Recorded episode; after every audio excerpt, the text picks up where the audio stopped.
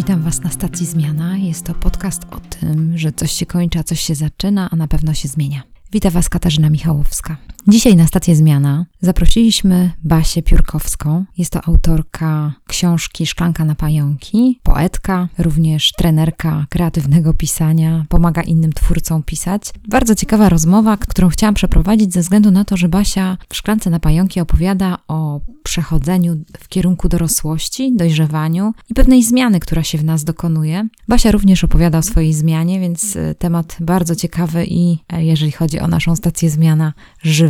Odkryjecie, kiedy posłuchacie Basi, że ona, kiedy się z nią spotkaliśmy, to było chyba w grudniu, z tego co pamiętam. W każdym razie ona była wtedy w takim momencie przemian, czyli że musiała podjąć jakieś decyzje, bo jak usłyszycie w tej rozmowie, pewne rzeczy już jej, mm, ona nie chce ich robić, no nie ma przestrzeni do pisania, chciałaby napisać następną książkę, a jednak różne rzeczy tam ją cisną. No i kiedy już y, rozmawiałam z nią niedawno, zapytałam jak idzie, jak, jak zmiany. Otóż no niestety muszę powiedzieć, no akurat w tym kontekście strajku nauczycieli, Basia zrezygnowała z tego, żeby być nauczycielem, więc straciliśmy niestety dobrego nauczyciela nauczyciela, ale może zyskaliśmy dobrą pisarkę, która już niedługo napisze następną książkę i usłyszymy o różnych jej przemyśleniach. Też zapraszam Was do przeczytania książki Szklanka na pająki, bo naprawdę Basia przepięknie składa słowa i opowiada o różnych rzeczach. W każdym razie to jest rozmowa, która zaprowadzi nas w różne kierunki, która może pokazać nam, jak człowiek się zmienia, jak y, różne rzeczy i przeżycia, które mieliśmy kiedyś, wpływają na naszą dojrzałość, na to, jak patrzymy na różne rzeczy. I powiem Wam, że to taka trochę rozmowa też, może dlatego też tak może trochę smutno mówię,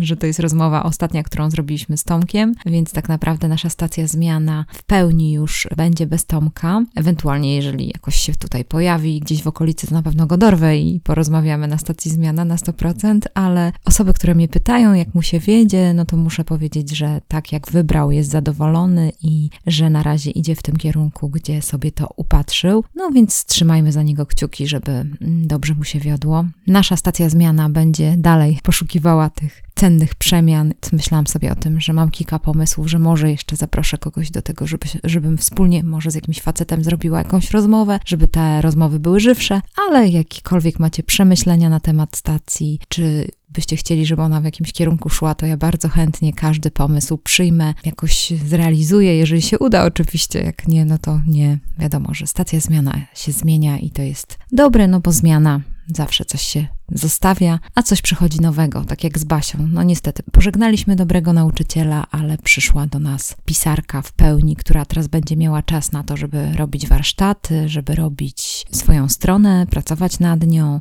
spotykać się ze swoimi czytelnikami, no i co najważniejsze, pisać swoje książki, te, które chce, bo ma bardzo dużo pomysłów i o tym usłyszycie na pewno w tej rozmowie. Zapraszam Was serdecznie do wysłuchania tej rozmowy. Jestem przekonana, że znajdziecie w niej wiele, wiele głębokich inspiracji inspiracji.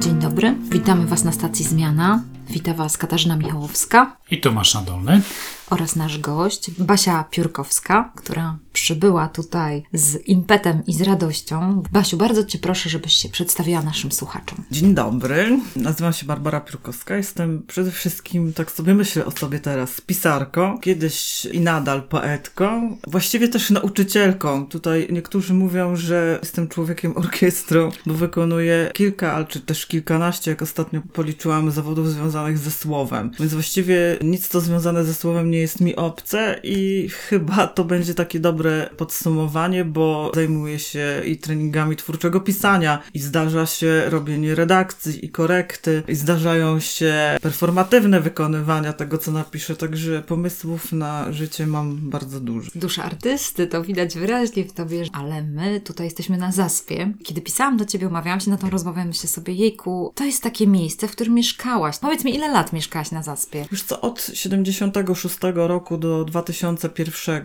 czyli no szmat czasu. Właściwie całe dorastanie i kawałek dorosłego życia, bo właściwie z zaspy odchodziłam, kiedy już pracowałam w swojej pierwszej pracy w gazecie. To też jest kawał czasu. Ty się pożegnałeś z Zaspą, a ja się powitałam i powiem szczerze, że Zaspę pokochałam, ze względu na to, że też oprowadzam tutaj po muralach, opowiadam o Zaspie i kiedy przygotowałam się do tej rozmowy, to myślę sobie, ciekawe to jest, że mam takie uczucie, że ty mieszkałaś w takim miejscu, gdzie e, historia się przetoczyła, gdzie historia miała i swój początek, swój koniec, tutaj różne rzeczy się wydarzyły, a ty po prostu jak takie piórko, taka ta mała Basia, która tutaj musiałaś jakoś odnaleźć, jakoś przeżyć, jakoś tutaj musiałaś dać sobie radę. I Wiesz to, co, jest, to, ciekawe. jest, to jest rzeczywiście niesamowity kawał historii. Po pierwsze, w roku 89 ja skończyłam szkołę podstawową, poszłam do ogólniaka, no i przypadkowo zmienił się też cały system, w którym przyszło mi y, żyć. Czyli uważam, y, co też wspominam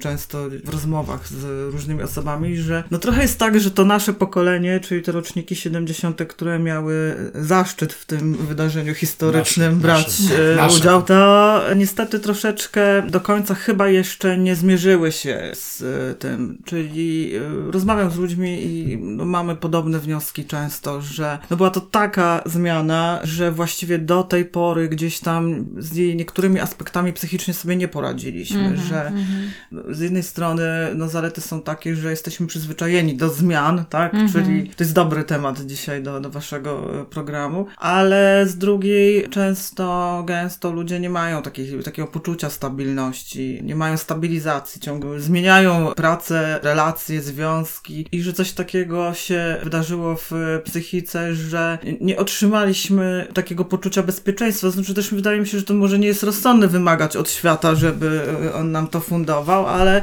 na pewno byłoby przyjemnie, gdybyśmy mieli szansę. A tak dostaliśmy szansę na wieczną zmianę, no i to jest myślę, że dosyć ciekawy temat, nie tylko do opracowania literackiego, ale no chyba w ogóle. Więc tutaj w oku historii, wokół historii, bo też nie wiem, czy nasi słuchacze wiedzą, że Basia mieszkała w bloku, w którym mieszkał Wałęsa. Ja tylko przytoczę Wam jedno zdanie, które tutaj jest opisane. Poza szkołą działa się historia. W moim bloku mieszkał Lech Wałęsa, a zastępy jego dzieci chodziły ze mną tą samą drogą do podstawówki. Ja pamiętam kiedyś Twoją opowieść, gdy o, mówiłaś, kiedy tutaj chodziliśmy na spacer, że jakieś tam dziecko Wałęsy Cię wepchało w krzaki. To było właśnie Tak, cudne. jest e, autentyczne e, zdarzenie i rzeczywiście taki wymiar to bycie na zaspie też miało. Wokół działa się duża historia, czyli były manifestacje, czyli Lech Wałęsa mieszkał trzy klatki e, dalej rzeczywiście ze swoją rodziną, a na takiej płaszczyźnie szkolnej z dzieciakami jego rzeczywiście chodziliśmy do szkoły i... I się tłukliście. no i bywało, że się tłukli wszyscy. No taka była też ogólna atmosfera tamtych No, lat. wojna, wojna. Słuchajcie, przeczytam wam jeszcze jeden fragment. Pod domem stała też milicja z gumowymi pałkami i starczami. Zastanawiałam się, czy mnie nie napadną. Przemykałam się między spojrzeniami niebieskiego oddziału. Liczyłam metry dzielące mnie od najbliższego mężczyzny w kasku i wyobrażałam sobie swoją własną ofiarę z dziecięcego ciała. To by była duża ofiara, myślałem, bo i ciało największe w szkole. Milicjanci jednak nie patrzyli wcale na mnie. Jastrzębio wgapiali się jedynie w tyłki przechodzących gospodyń domowych, piersi działaczek opozycji, blond włosy pracownic naukowych Uniwersytetu Gdańskiego. Odrzucona przez ZOMO bezpańską wędrowałam na kolejne lekcje, a nad trasą mojej drogi połyskiwała ośmioletnia buzia słońca z promykami. Y, Słodko-gorzkie, y, śmieszno-straszne Mhm. i y, kiedy idę tutaj z grupą i opowiadam o Zaspie, zawsze Basiu opowiadam o tobie i mówię, że Dziękuję ci tutaj. Basia mieszkała, mówię, mała dziewczynka, która wyobraźcie sobie, że przeżyła wojnę. Staje z młodzieżą, pokazuje im zdjęcie. Mam takie zdjęcie, wiesz, z książki Danuty Wałęsy, gdzie po prostu te trzy bloki, które tutaj widzimy na pilotów i słuchaj, wielka manifestacja. 81 rok po 1 maja stają ludzie. I ja sobie wyobrażam, co to się musiało dziać. Po prostu myślę sobie, i mała Basia zakłada sobie plecak i wychodzi i widzi to wszystko.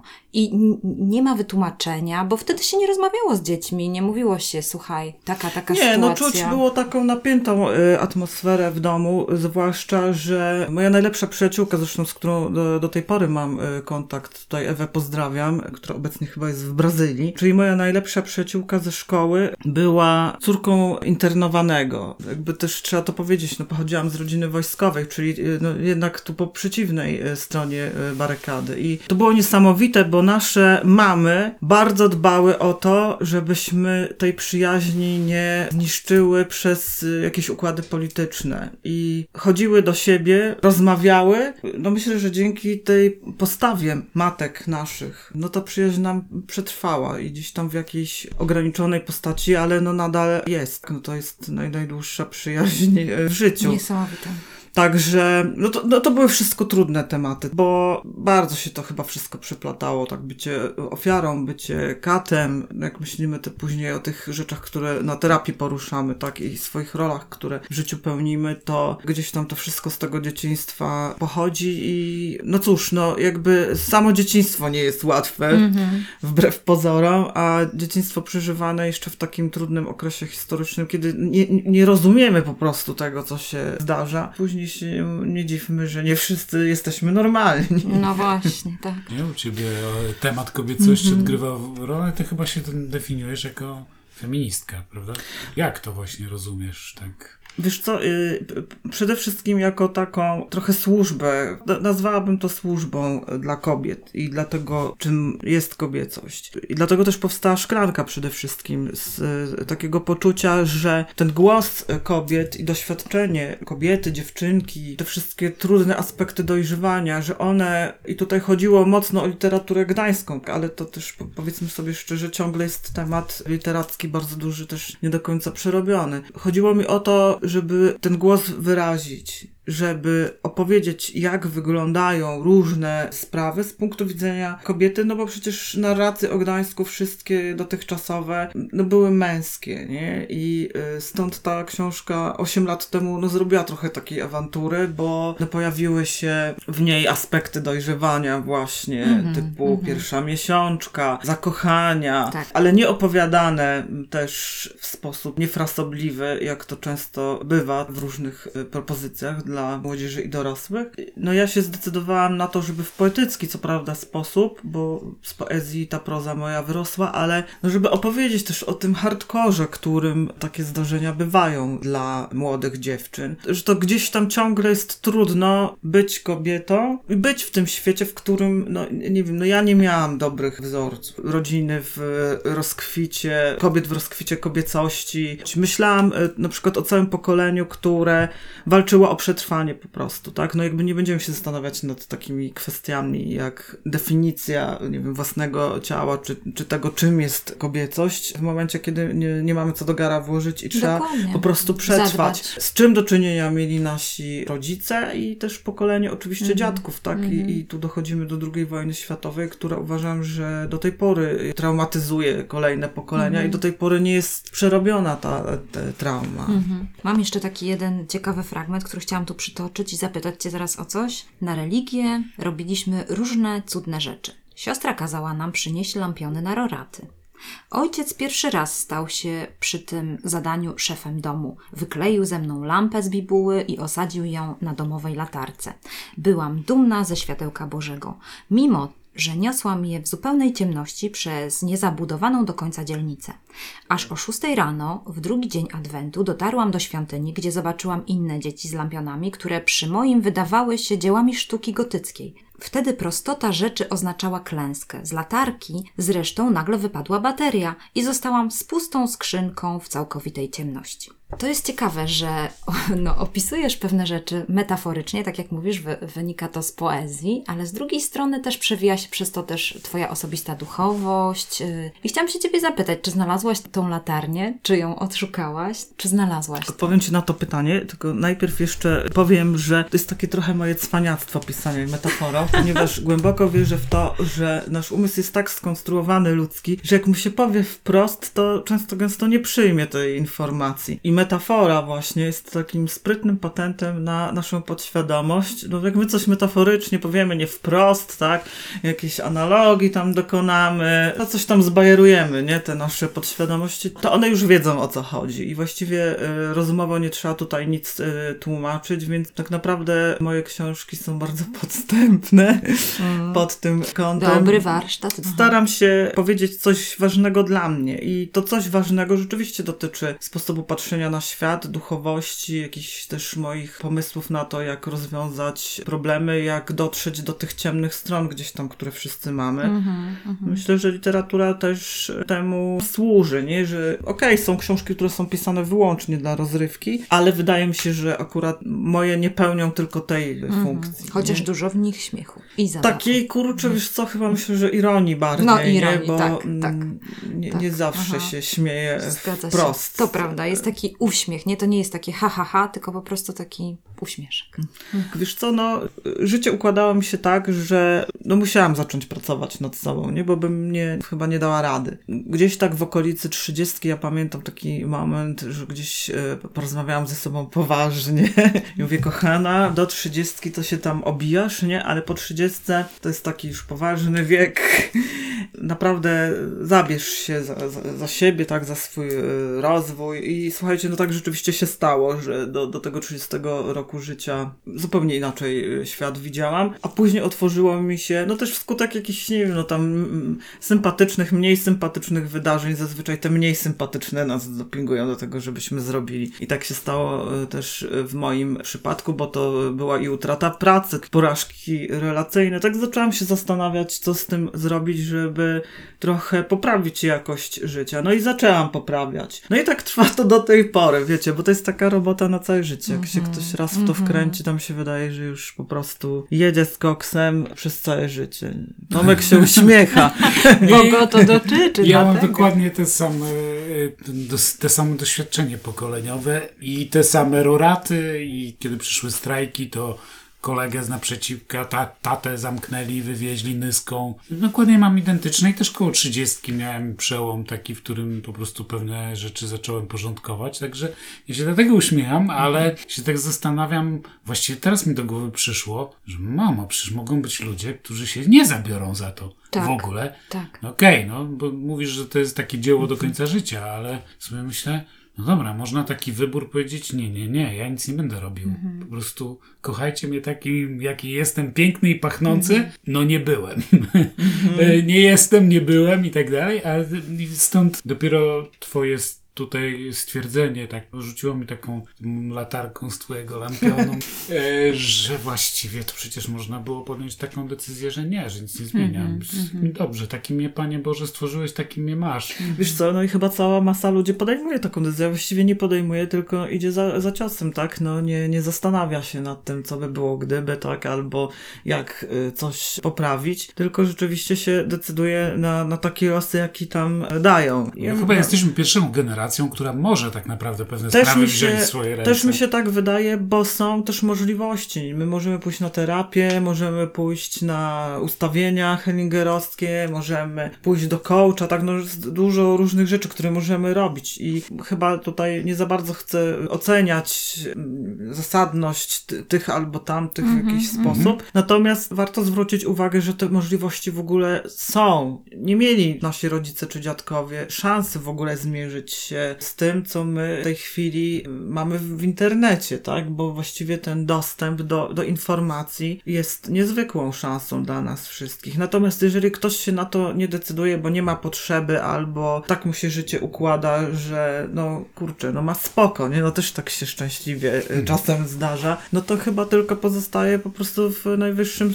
szacunku to zaakceptować. Wydaje mi się, że trochę, przynajmniej w moim wypadku, nie, nie mam ochoty ingerować w czyjeś życie, nie? Mogę coś podpowiadać, mogę y, mówić. Kiedyś y, rzeczywiście miałam przez moment taką misję zbawienia ludzkości. Myślę, że każdy przerabia po prostu taki etap. Etap życia. Mm, że, że bardzo chcę też wszystkich, nie wiem, uświadomić, tak? Wszystkim powiedzieć, że no, odkrył coś, tak? I śmiejecie się, Kasia się śmieje. Tak, tak, tak. Że, że coś jest tak niezwykle ważne i ja ci to teraz powiem, przekażę. W ogóle to jest takie super odkrycie nie? i często, gęsto ta druga osoba w ogóle nie wie o co ci chodzi, Tak, nie? Mhm. Bo to nie jest jej doświadczenie, czyli y, myślę sobie, że poprzez książki, poprzez y, warsztaty, poprzez Mhm. audycje takie jak ta tutaj, możemy o tym rozmawiać, no i kto po prostu będzie miał trafić na taką informację, to, to trafi. Dokładnie. Ktoś, kto poszukuje. Ja tak, jak mówisz, to od razu mi się kojarzą na przykład moje spotkania klasowe. Ja akurat chodziłam do technikum, no to tam sami chłopcy i naprawdę powiedziałabym, że mniejszość, o tak, że mniejszość chłopaków w ogóle ma taką refleksję. Kolejny dom, ku wyczerpaniu. I myślę sobie, kurczę, a nie widzi, że to jest problem, z którym wiem, że się zmagał kiedyś, jak miał tam te 20 lat. Czy No ale wiesz, no nie jest tak, że każdy musi do swojego dna Dokładnie. spaść. No trzeba, No, nie? No to będziemy gadać oczywiście. po próżnicy. Tak, nie? tak, dokładnie. dok- No dobra, miałeś taki etap, miałeś 30 decyzja o tym, że no, parę rzeczy trzeba przebudować, kielnia w rękę i wydałaś, ile to już lat mija? 4, 8? Osiem. Osiem, Szklanka na pająki w 2010 roku została wydana. I teraz jest taki remake tego, nowe wydanie. No to jest e, ciekawe, dlaczego wydałam ją ponownie. No jeżeli ktoś na przykład zagląda na, na mój fanpage na Facebooku albo śledzi temat, to wie, że kłopoty miałam z wydawcą pierwszym. Ta historia nie zakończyła się optymistycznie, czyli by- były problemy finansowe z zapłaceniem za, za to, co zostało wydane i mm, za to, co napisałam. Ja po wydaniu Szklanki bezpośrednio miałam taki szereg przygód sprowadzających do parteru, tak już o tym dzisiejśmy m- mówili. Czyli zachorowałam kolejno na różne y, choroby, od depresji zaczynając, na raku kończąc. I wiecie, trochę teraz przyszło mi właściwie chyba zacząć po tych wszystkich przygodach takich naprawdę hardkorowych, bo przygody z ciałem, one bardzo szybko weryfikują cokolwiek, co my myślimy na, na swój temat, na temat rzeczywistości, na temat przyjaźni, relacji. Postanowiłam po tych wszystkich przygodach już po powrocie do pracy dać sobie jeszcze jedną szansę, nie? Wiecie. I z pisarką Sylwią Kubryńską wydałyśmy tę książkę. Sylwia w tej chwili trochę też staje jakby przeciwko systemowi właściwie, bo postanowiła wziąć sprawy w swoje ręce i założyła wydawnictwo i, i Szklanka jest pierwszą książką. Wydawnictwo Baba. Wydawnictwo Baba. No jak kobiety to Baba. Dziarskie ba- dziarska baba. Trochę, trochę baby czasem też potrzeba. Potrzeba trochę delikatności, potrzeba wrażliwości, ale czasami do przywalczenia niektórych rzeczy trzeba baby. I my te wszystkie aspekty w sobie mamy. Czasem mamy problem z dostępem do niektórych, ale zapewniam, że one wszystkie tam są na miejscu. No i ta baba pomogła zrobić taki ponowny start. Ciekawe rzeczy się dzieją ze szklanką, bo ona ma swoją recepcję, tak naprawdę. I my, kiedy my wydajemy książki, to rzadko właściwie się mówi o tym, jak jakaś książka została przyjęta. Rzadko mamy wieczory, które mówią o tym, co się wydarzyło między, nie wiem, jednym a drugim wydaniem. Zazwyczaj promuje się nowości się do tych książek potem nie wraca. No a ta moja miała przez te 8 lat takie bardzo ostre życie podziemne. Naprawdę ciężko było ją zdobyć, a zapotrzebowanie na nią było, o czym donosił mi Zbyszek Walczak z kolei z biblioteki Tak, y, tak. przy ulicy Mariackiej i od jakiegoś czasu żądał ode mnie zrobienia czegoś z tym i właściwie po- poszłam po rozum do głowy i wydałam, a tak się zbiegło z tym zakładaniem właśnie przez Sylwię wydawnictwa i nowy egzemplarz jest. Czyli to jest taka przygoda trochę jaka ja byłam 8 lat temu, jak mm, myślałam o sobie jako pisarce, o sobie jako kobiecie, co tam było do właśnie poprawienia, z czym trzeba się było zaprzyjaźnić. Ta robota 8 lat pokazało mi właśnie y, z czym i w tej chwili to jest troszeczkę tak, że, że ta książka staje się takim wyjściem do kolejnych rzeczy, które już piszę i takim z jednej strony przypomnieniem, z drugiej strony wyjściem trochę z cienia, no bo ja jestem, jestem znowu, no jestem zmieniona, bo raz, że te różne przygody ciała i, i ducha, drugie, że minął jakiś czas, no i też trochę trzeba już do nowego się nieco zwrócić Tak, i tak. y, otworzyć na, na rzeczy, które dopiero mają przyjść. Mam takie wrażenie, jak dostałam tą książkę i myślałam sobie, że ja mam tam kawałek Basi i Basia się rozdała w tej książce i tak jakby Basi nie było. Ja miałam takie, jakby, no nie wiem, takie, takie wrażenie, nie? A teraz po prostu to jest takie inne. Nowa książka, którą Sylwia wydała, Sylwia walczy o ciebie, Sylwia wydaje tą książkę, ale to jest jakby dziecko, które ty wychowałaś, urodziłaś i mówisz idź w świat, mów do innych, ale ja już naprawdę, już cię wychowałam, wy... Tak, już, e, koniec. tak, Ja już idę taką trochę inne. wyrodną matką jestem. Ale nie? to jest E, właśnie fajne. Z gniazda wyrzucam, nie? Tam są kolejne dzieci do odchowania. Tak. Bo zintegrowałaś to. No może wiesz co, tak. Mm. Aczkolwiek tak sobie tutaj też myślałam przed naszym spotkaniem dzisiaj, że, że jestem w procesie zmiany, nie? Mhm. Że to nie jest tak, że po trudnych przejściach, no bo jednak nowotwór jest bardzo trudnym przejściem. Myślę, że dla każdej osoby, nie, nie, nie, nie, nie, znam osób, które to lajtowo No, przeszły, nie? Że jestem w procesie zmiany i ta zmiana się dokonuje, że jest trochę tak, że dokonałam wielu małych zmian i to są takie zmiany, wiecie, w sposobie myślenia, w sposobie postrzegania niektórych rzeczy, polegają na odpuszczaniu na przykład też pewnych spraw, nie szastaniu energią na prawo i lewo, tak jak zwykle lubiłam to czynić, czyli, czyli na przykład mniej się angażuję w jakieś dyskusje w internecie tak o trzeciej nad ranem. nie do końca mam taką potrzebę przekonywania wszystkich o mojej racji, nie? Bo trochę wiem, że nie mam, nie? Czasem. Znaczy człowiek jest mniej pewny po, po różnych doświadczeniach życiowych. Trochę staram się myśleć więcej o sobie, czyli na przykład wysypiam się. Mhm, Lu- lubię to. Lubię mieć taki spokój, tak, wynikający z, z tego, że czuję, że się zregenerowałam. Czyli też daję sobie na to przestrzeń. Trochę mi brakuje, tak, bo miałam jakieś e, pomysły na, na, na różne inne zmiany i po powrocie do pracy przyznam, że ten taki mm, tok życia, on troszeczkę znowuż zawładnął mną, nie? Że nigdy nie byłam osobą, która spokojnie siedzi w jednym miejscu. Teraz się okazało, że, że też nie daje rady, czyli że muszę zrobić to, to i to, i to, i to, tak? Tu się zaangażowałam w projekt, tutaj też i trochę niektóre moje sprawy cierpią, czyli na przykład ciągle sobie muszę wygospodarowywać czas na, na, na pisanie tych nowych rzeczy i nie jest to łatwe, tak? Tak. Chciałabyś już nie robić tego, na co nie masz ochoty. Wiesz co? Trochę tak. Trochę tak, a jednocześnie przyznam się, że ciągle bycie y, y, taką społeczniczką, pracocholiczką, że mnie tak jednak zawsze jarało. Co- jest też ciekawe, bo ja uważam, że jestem leniem, nie? Ale y, jak ostatnio spisywałam swoje wszystkie aktywności, to się tak naprawdę, wiecie, zastanowiłam. Nie? Bo są, są takie momenty, kiedy na przykład pisze się życiorys artystyczny, trzeba tam napisać, co się zrobiło, nie? Nie wiem, bo się składa tam papiery do stypendium, tak? Albo, nie wiem, robi się jakieś ćwiczenia też z różnych książek, bo ja to bardzo lubię, tak? Wziąć książkę i pospisywać sobie, co to tam w duszy drzemie. I, no i patrzę na tę listę i sobie myślę, że wiecie, kurczę, to w ogóle nie wiem, kto to zrobił. Bo to na pewno nie ja. Nikt normalny po prostu nie jest w stanie tylu rzeczy zrobić na przykład naraz, nie? A mnie się to udało. Chciałabym na tym budować poczucie własnej wartości, no ale wiecie jak to jest. Bardzo trzeba tego pilnować.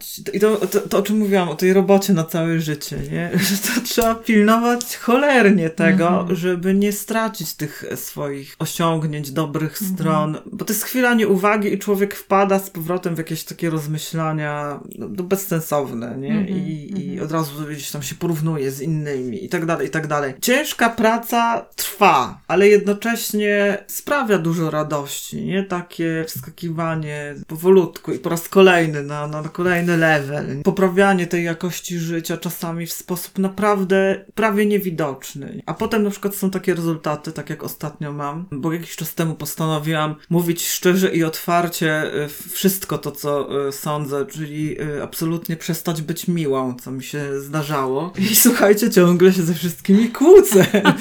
I myślę sobie, Piórkowska, no już po prostu przestań, czy to się nie da jakieś sprawy załatwić jakoś inaczej, ale wiecie, to chyba jest po prostu potrzebny etap, nie? Kiedy człowiek po prostu coś odkrywa w sobie, jakiś obszar i zanim to się uspokoi, to trzeba, nie wiem, zetrzeć się, skonfliktować z całym światem, no bo kiedyś tego nie mówiłam, no to wiadomo, no nie podoba się to Nazbierałeś ludziom, się. no kurczę, no nie wiem, no zawsze było spoko, nie, a teraz przychodzi tam i pyszczy. Ja, ja kiedyś też pyszczyłam, no ale nie aż tak. Ja bardziej na Facebooku to robiłaś. Teraz może mniej, Mhm. może teraz w, w tym, w realu bardziej, ale a powiedz mi, w twoim e, życiu słowo jako tworzywo, to ono tam odgrywa rolę głównego bohatera. I powiedz mi, w, w jaki sposób to dzisiaj ci pomaga w tych twoich przesiadkach, zmianach. Prowadzisz też warsztaty, prawda, dla ludzi i Tak. coś to im daje poza tym, poza biegłością w samym rzemiośle, bo one się nazywają nawet chyba, jeśli dobrze pamiętam, to też kreatywno-pisarskie, tak? Tak, Czyli Jest znaczy- tam też element nie tylko warsztatowy, ale też tego performance'u i tego swojego uzewnętrzniania, tej swojego świata wewnętrznego, Mhm. prawda? No właśnie to jest też taki ten kłopot, tak, że ja stoję w takiej trochę rozterce cały czas, bo no ja bardzo lubię pisać, ale też w zasadzie lubię uczyć. Lubię pokazywać ludziom, jak to się robi. Kurczę, cały czas jednak jedną nogą jestem tu, drugą nogą jestem tu. Natomiast jakby praca z e, kreatywnością, praca z pokazywaniem, nie? Jak się dostać do tego obszaru, który, jak się okazuje, nie dla wszystkich jest oczywisty. Nie dla wszystkich e, kwestia tworzenia to jest takie po prostu hop, siup. E, Nie każdy ma do tego, e, że predyspozycji. No ja uważam, że każdy ma i że to jest kwestia po prostu spojrzenia jakiegoś na siebie trochę inaczej. E, No i i staramy się do tego dokopywać gdzieś tam podczas takich e, zajęć. Czyli potencjał jest w każdym według Ciebie. Uważam, że tak, że tworzenie może być równie dobrze gotowanie obiadu, czy pielenie ogródka, a tak samo tworzeniem jest pisanie wielkich dzieł literatury. My też jesteśmy przyzwyczajeni do takim myśleniu, że to od razu muszą być jakieś mega wielkie rzeczy, nie? Wiecie, po prostu tomy opasłe, wielkie dzieła, gdzieś to wisi w galeriach, albo ma tysiące czytelników. Kurczę, no ja bym chciała, żeby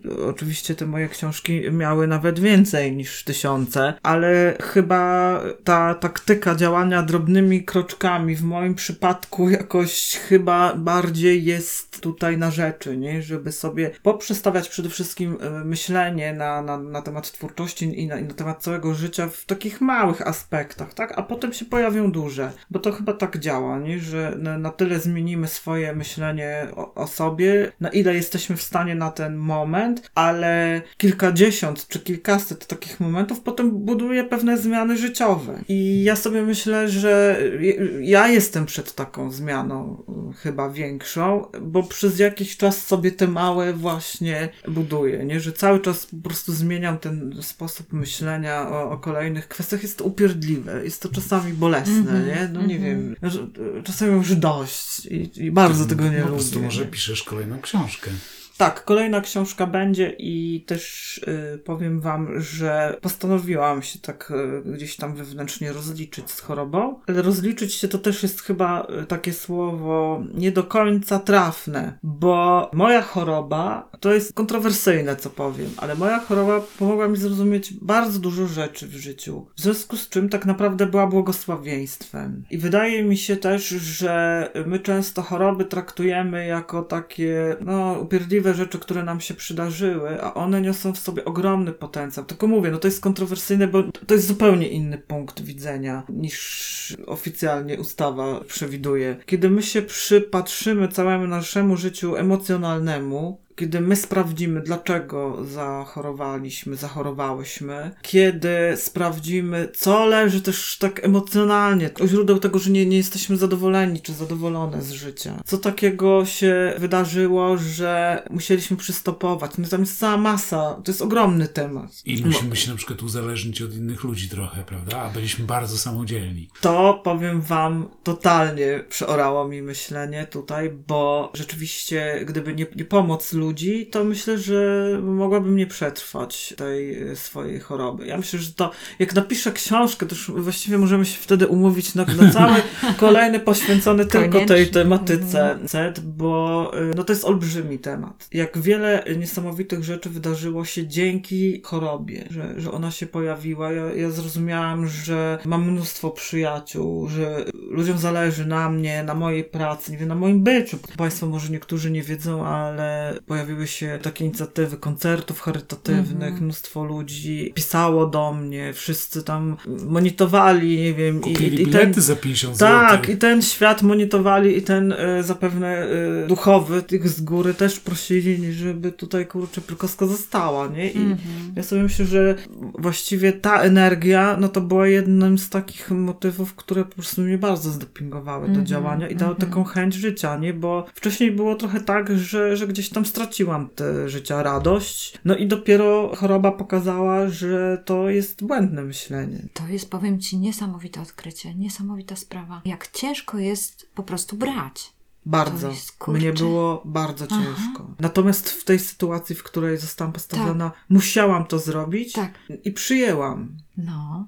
No i to było jedno z bardziej niesamowitych doświadczeń. Nie mówię, że teraz dalej mam taką łatwość, Tak, tak, tak. bo te rzeczy, których nie kultywujemy, one zanikają, więc dlatego wcześniej powiedziałam o tym, że trzeba o to dbać, nie? trzeba pilnować tych ciągle małych y, rzeczy, jakiejś takiej otwartości, tej swojej delikatności też, tak? Te, czasami takiego dziecka też w sobie. Trzeba do nich mówić, trzeba się z tym spotykać, jeśli oczywiście ktoś chce, jeśli ktoś ma na to przestrzeń. nie? Bo nie wiem, czy wiecie i czy to słyszycie u Basi, ale jak jest jakaś nierówność, ktoś jest prześladowany, to Basia od razu jest na barykadach. Już walczy. Jak trzeba robić jakąś akcję, to Basia od razu walczy też w imię tego, ale ona jest z tej samej generacji jak ja, w której jak trzeba powiedzieć, słuchajcie, pomóżcie i po prostu pozwolić ludziom na to, żeby pomagali, to gól w gardle nie przechodzi. No, to to jest wielu z nas, ja nie wiem, czy to jest generacyjne, czy to jest y, po prostu, nie wiem, jakoś część osób tak ma. No, tak jest, są skonstruowani, że wszystko sami, muszą sami dojść, tylko to, co sami wyskrobią, to jest tylko coś warte. Jakoś mają taki gdzieś imperatyw w głowie zapisany.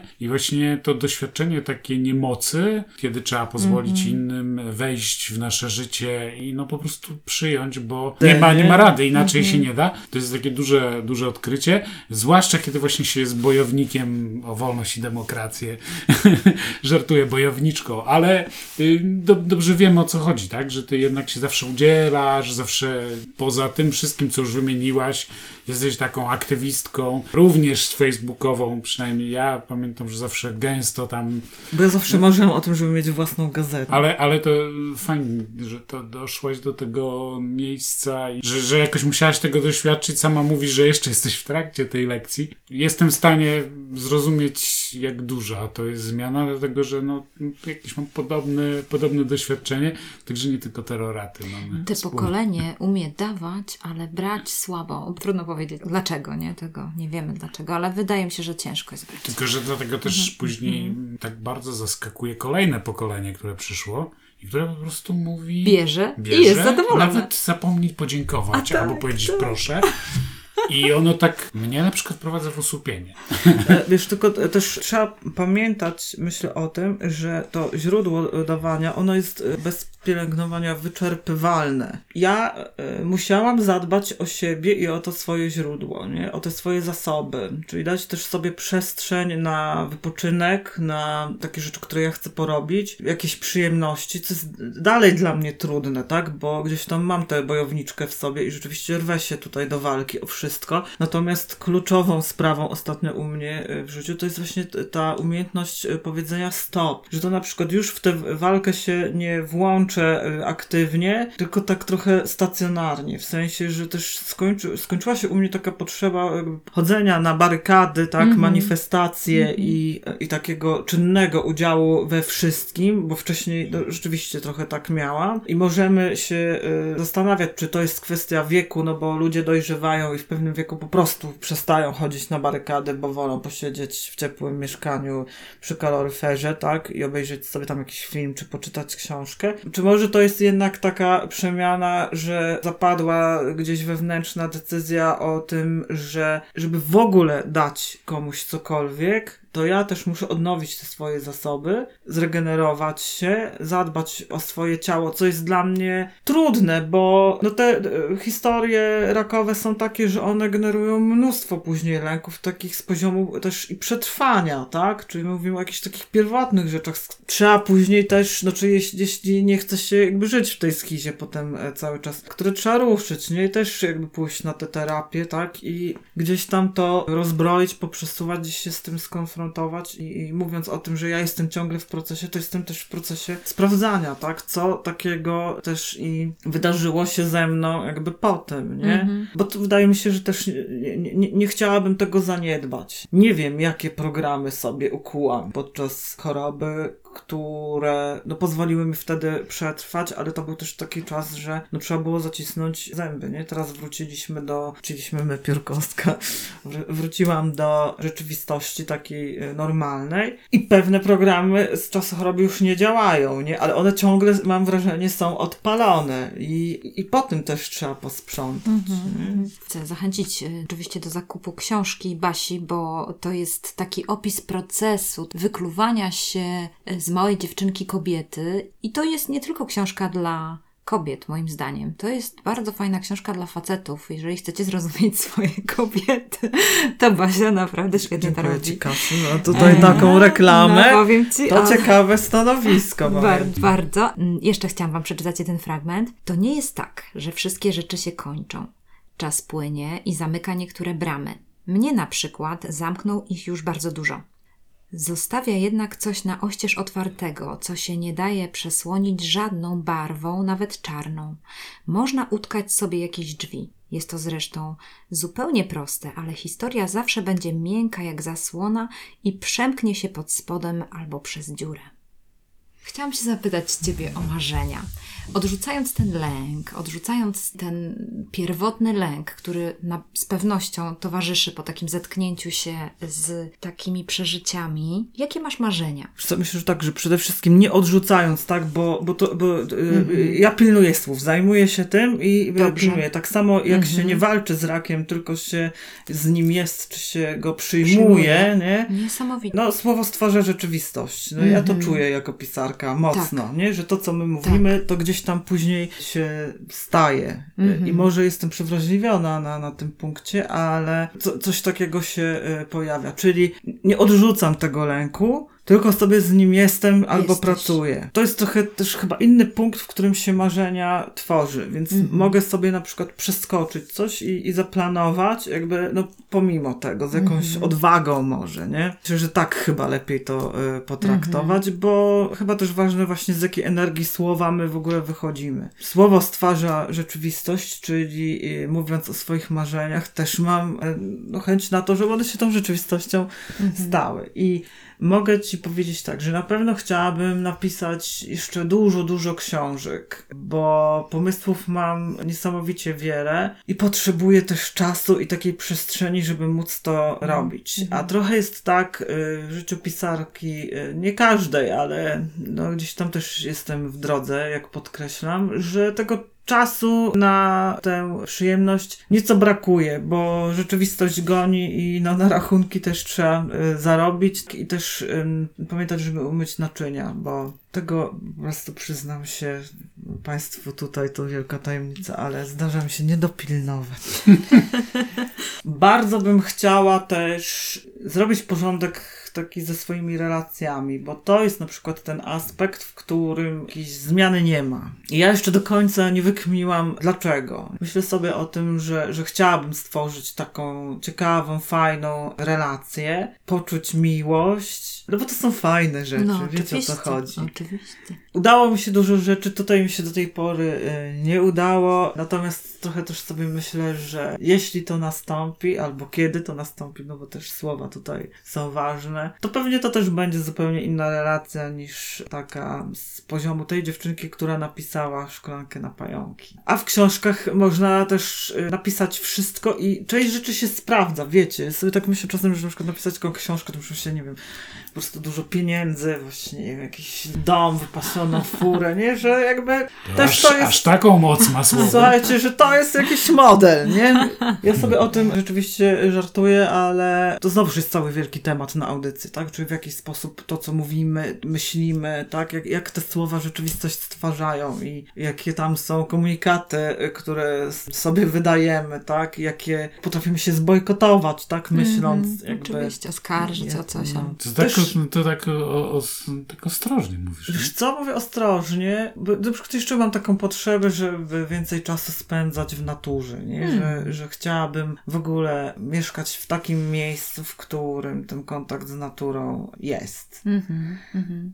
Znowuż po tych wszystkich przygodach doszłam do wniosku, że jest to coś, co mi absolutnie sprawia przyjemność. Nie pójść sobie na taki spacer albo gdzieś tam posiedzieć nad jeziorkiem. A wcześniej tak nie do końca te potrzeby w ogóle dopuszczałam do siebie. Fajne. Więc wiecie, Fajne. no, no, wychodzi na to, że to są e, nie, nie za wielkie marzenia i potrzeby, ale znowuż, no chyba to jest ten taki moment, nie? Kiedy, kiedy człowiek się po prostu zaczyna cieszyć małym. Że jasne, fajnie pomyśleć szeroko o tym, że, że nie wiem, te książki moje zdobywają, wiecie, wszystkie półki, kurczę, na świecie, tak, wszystkich księgarni i w Berlinie, i w Nowym Jorku i gdzieś w, w Chinach. Chiny to byłoby coś. Tak patrzę na Tomka i widzę zrozumienie. Tak, chciałabym, żeby szklanka pęki została przetłumaczona na język chiński. To by było ciekawe. No, fajne jest to, Basiu. Dziękuję bardzo, że ty mówisz o tych marzeniach, bo dla nas z Tomkiem też słowo ma znaczenie i moc, więc ja w imieniu Tomka i swoim mówię, niech tak się stanie i niech to się wydarzy. Po To chińsku wszystko. nie wiem jak Nie wiem, powiedzieć, jak ale- na pewno y, to jest coś, czego Ci bardzo życzymy i wydaje mi się, że słuchacze również. Ja wam tylko powiem, No. że y, moje tomiki na Uniwersytecie Struańskim już są, bo zawiozła tam je Magdalena Kalisz ze sztuki wyboru, gdy była ostatnio A, na, na, na targach. Także czasami się y, śmieję, tak, że człowiek o czymś myśli, a to już właściwie się zdarzyło. No to taka propos Chin. fajnie, bardzo fajnie. A Basiu, powiedz jeszcze, gdzie można by Cię przeczytać? Właśnie oprócz wydawnictwa Baba? Zapraszam mm, po szklankę na stronę www.baba.com.pl. U baby zawsze najlepiej.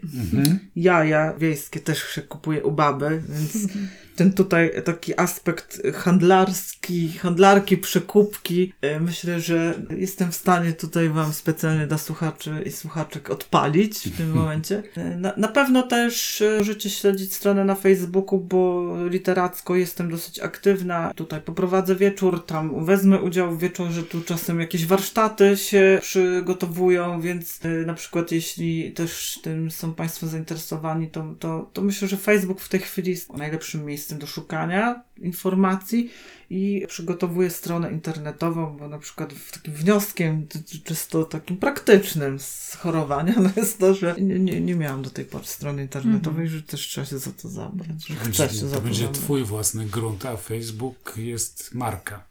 Tak. I on to tam będzie. reguły ustala, Tak. także... A Tak, i strona, mam, te, mam tę świadomość już, bo oczywiście sobie poczytałam różne książki, wiecie, to lubię. Tak. Tak, i, i mniej więcej śledzę tematy. No poza tym tak mi się wydaje, że to też przyszedł po prostu już taki czas, żeby pracować po prostu na swój rachunek. Jeśli tyle rzeczy się udało zrobić wcześniej, a one są tak troszeczkę porozrzucane, tak, to tu, to tam, no to to jest najwyższa pora. Także za jakiś czas w następnej audycji na pewno już e, ten adres strony będę mogła podać, że taką kokieterią na koniec strzelę. Bo Basia też op- była, przy, też oprowadzała, prawda? Spacery, ale nie tak regularnie chyba. Nie, nie, raz, Tym- raz była tutaj zaproszona jako A pozaspie. nie, ale pamiętam, Aha. że po stoczni były jakieś Aha. takie... Po Ale to były, rozumiem, takie jednorazowe, tak? Raczej. Wiesz co, po stoczni chyba akurat ja nie oprowadzałam. Mhm. Znaczy, robiłam projekty w stoczni na pewno z Mhm, e, kobietami i warsztaty dla, dla kobiet, czyli to trochę inny typ działalności, a Mhm. wycieczki e, oprowadzałam tutaj właśnie na, na Zaspie Instytut Kultury Miejskiej. Taki miał cykl właśnie z pisarkami, Mhm. pisarzami. Również przy projekcie Czytanie Pomorza jeździliśmy sobie po Trójmieście i z kolei mówiłam o twórczości kobiet naszych Mhm, trójmiejskich autorek, trójmiejskich i kaszubskich. No i takie też trochę moje hobby, nie? Mhm, Bo tym mhm. te, te, lubię, lubię też się zajmować innymi pisarkami. Zresztą też czytam, może Mhm. to niezwykłe, nie? Ale patrzę, co się dzieje Co się dzieje? u konkurencji, tak? Albo co się w ogóle dzieje. Lubię, lubię, lubię wiedzieć. Mhm. A poczekaj, poczekaj, a jak patrzysz, co się dzieje u konkurencji, to patrzysz na ten warsztat, jak to ona napisała, albo jak on to zrobił? Tak masz taki Wiesz coś? co, bywa, że, że tak. Mhm, mhm. I że jest to, to takim źródłem naprawdę bardzo dzikiej satysfakcji, nie? Kiedy rzeczywiście się, no właściwie na przykład czasem trzeba to jakby, nie wiem, dwa razy czytać, tak? No bo raz jakby zorientować się w fabule, tak? A drugi raz spojrzeć jaka konstrukcja. Mhm. I, Tak warsztatowo. I, i Mhm. warsztatowo. No ja to zazwyczaj robię naraz i znaczy potem mam czasem problemy jakby z takim wydaniem na przykład opinii sensownej, Mhm. no bo, no bo no skupiam się na, na wszystkich. Wycieczki chyba jeszcze też po, po takie właśnie po, po Gdańsku też pisarskie, bo już po samym centrum też Mhm, mi się zdarzyły. mhm, nie? mhm, mhm. No, Basia jest bardzo gdańską. e, Tak, tak, ja dlatego właśnie- Dużo tam Gdańska Mhm. jest.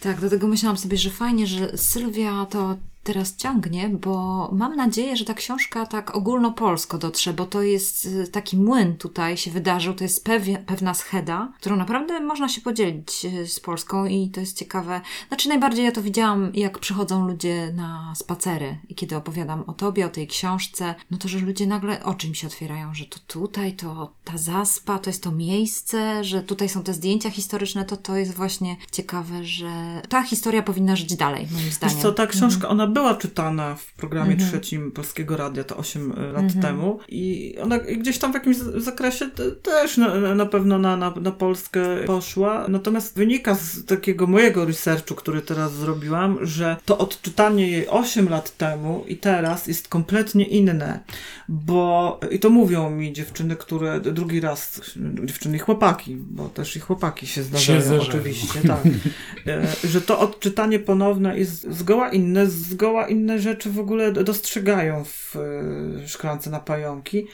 I ja myślę sobie, e, jakby pytając ich, co się stało, tak, że czy, czy to znowuż chodzi o ten czas, który minął, ale nie do końca. I wychodzi mi tutaj z takich naszych wspólnych przemyśleń, że trochę jest tak, że po prostu trochę się społeczeństwo zmieniło, nie? Że ludzie są bardziej otwarci na różne sprawy, czyli rzeczywiście ruszyli trochę z tymi swoimi terapiami, y, trochę są bardziej świadomymi ludźmi, trochę inaczej się myśli o rodzinie, o, o problemach rodzinnych, o środowisku, w którym y, przebywamy. I to, co ja próbowałam powiedzieć te 8 lat temu, właśnie a tak naprawdę więcej niż 8, tak? Bo, bo, bo napisałam tę książkę jeszcze wcześniej. Czyli powiedzmy sobie, że moje przemyślenia sprzed dekady, one jeszcze wtedy nie były tak jasne, tak y, czytelne, nie, nie, nie były tak jasnym przekazem, jak jest teraz. I to mnie bardzo cieszy, bo to pokazuje też, że w tym ogromie różnych dziwnych rzeczy, które się w świecie zdarzają, to jednak jakiś proces idzie gdzieś do, do przodu i ludzie też, nie? Mhm, I że, mhm. że mają w swoich sercach miejsce też na to, co im zaproponowałam. Znaczy, jakby to powiedzieć, że jesteś osobą, która widzi tą przyszłość i teraz jak napiszesz tą książkę o sobie i o tych zmaganiach, to ona może być też tym czymś, co będzie dla ludzi, którzy to odkryją później. I to jest właśnie ciekawe, że możesz y, iść do przodu, zostawiać te wiele książek, które jeszcze napiszesz, bo to będą ważne rzeczy dla ludzi. Co liczę na to i zwłaszcza w przypadku tej książki, o której mówimy, czyli tej, tej następnej, tej kolejnej, mam taką e, nadzieję, że to tak zadziała, nie? że coś będzie mogło być odkryte. Natomiast to jest też duża odpowiedzialność. No to I, prawda. ja bym skłamała, jakbym nie powiedziała, że nie mam schizy z tego powodu, Mhm, nie? mhm. E, I no, myślę, tam mocno myślę, nie? Mhm. Jak to zrobić i jak to przekazać. Na całe szczęście mam ten taki obszar twórczy ko- koło siebie, to, to, to natchnienie i głęboko wierzę, że też e, jest taka część mnie, która tam pomaga. To Mhm. wszystko ubrać w słowa, powiedzieć, zapisać i później oddać ludziom, żeby już mogli sobie, czytając te teksty, no przyjmować to do, do, do ciała, do swojego ducha, jakby to, co jest im potrzebne i coś tam Mhm. odkrywać. No jest, jest w tym mistyka, w słowie jest mistyka i y, fajnie, że też czujesz od- tą odpowiedzialność, to jest bardzo ważne. Słuchajcie, dziękujemy bardzo za tą rozmowę. Dziękuję Ci, Basiu, że chciałaś wrócić w Twoje stare kąty na zaspę i że chciałaś popatrzeć przez okno jedno, drugie, zobaczyć jak się zmieniło. Dziękuję Ci za te Dziękuję wszystkie pięknie. słowa. No, Też- dziękuję. To chyba nie, nie tylko powrót do starych kątów, ale i taki rzut okiem do tyłu. I ja życzę, żeby do przodu było nadal do przodu. No y, ten przód, powiem wam, mam na oku. Będziemy też mieli cię na W oku. tę, w tę stronę. Zapraszam serdecznie. y, Za jakiś czas naprawdę chętnie powiem, co się zadziało. Dziękujemy bardzo. Dziękujemy.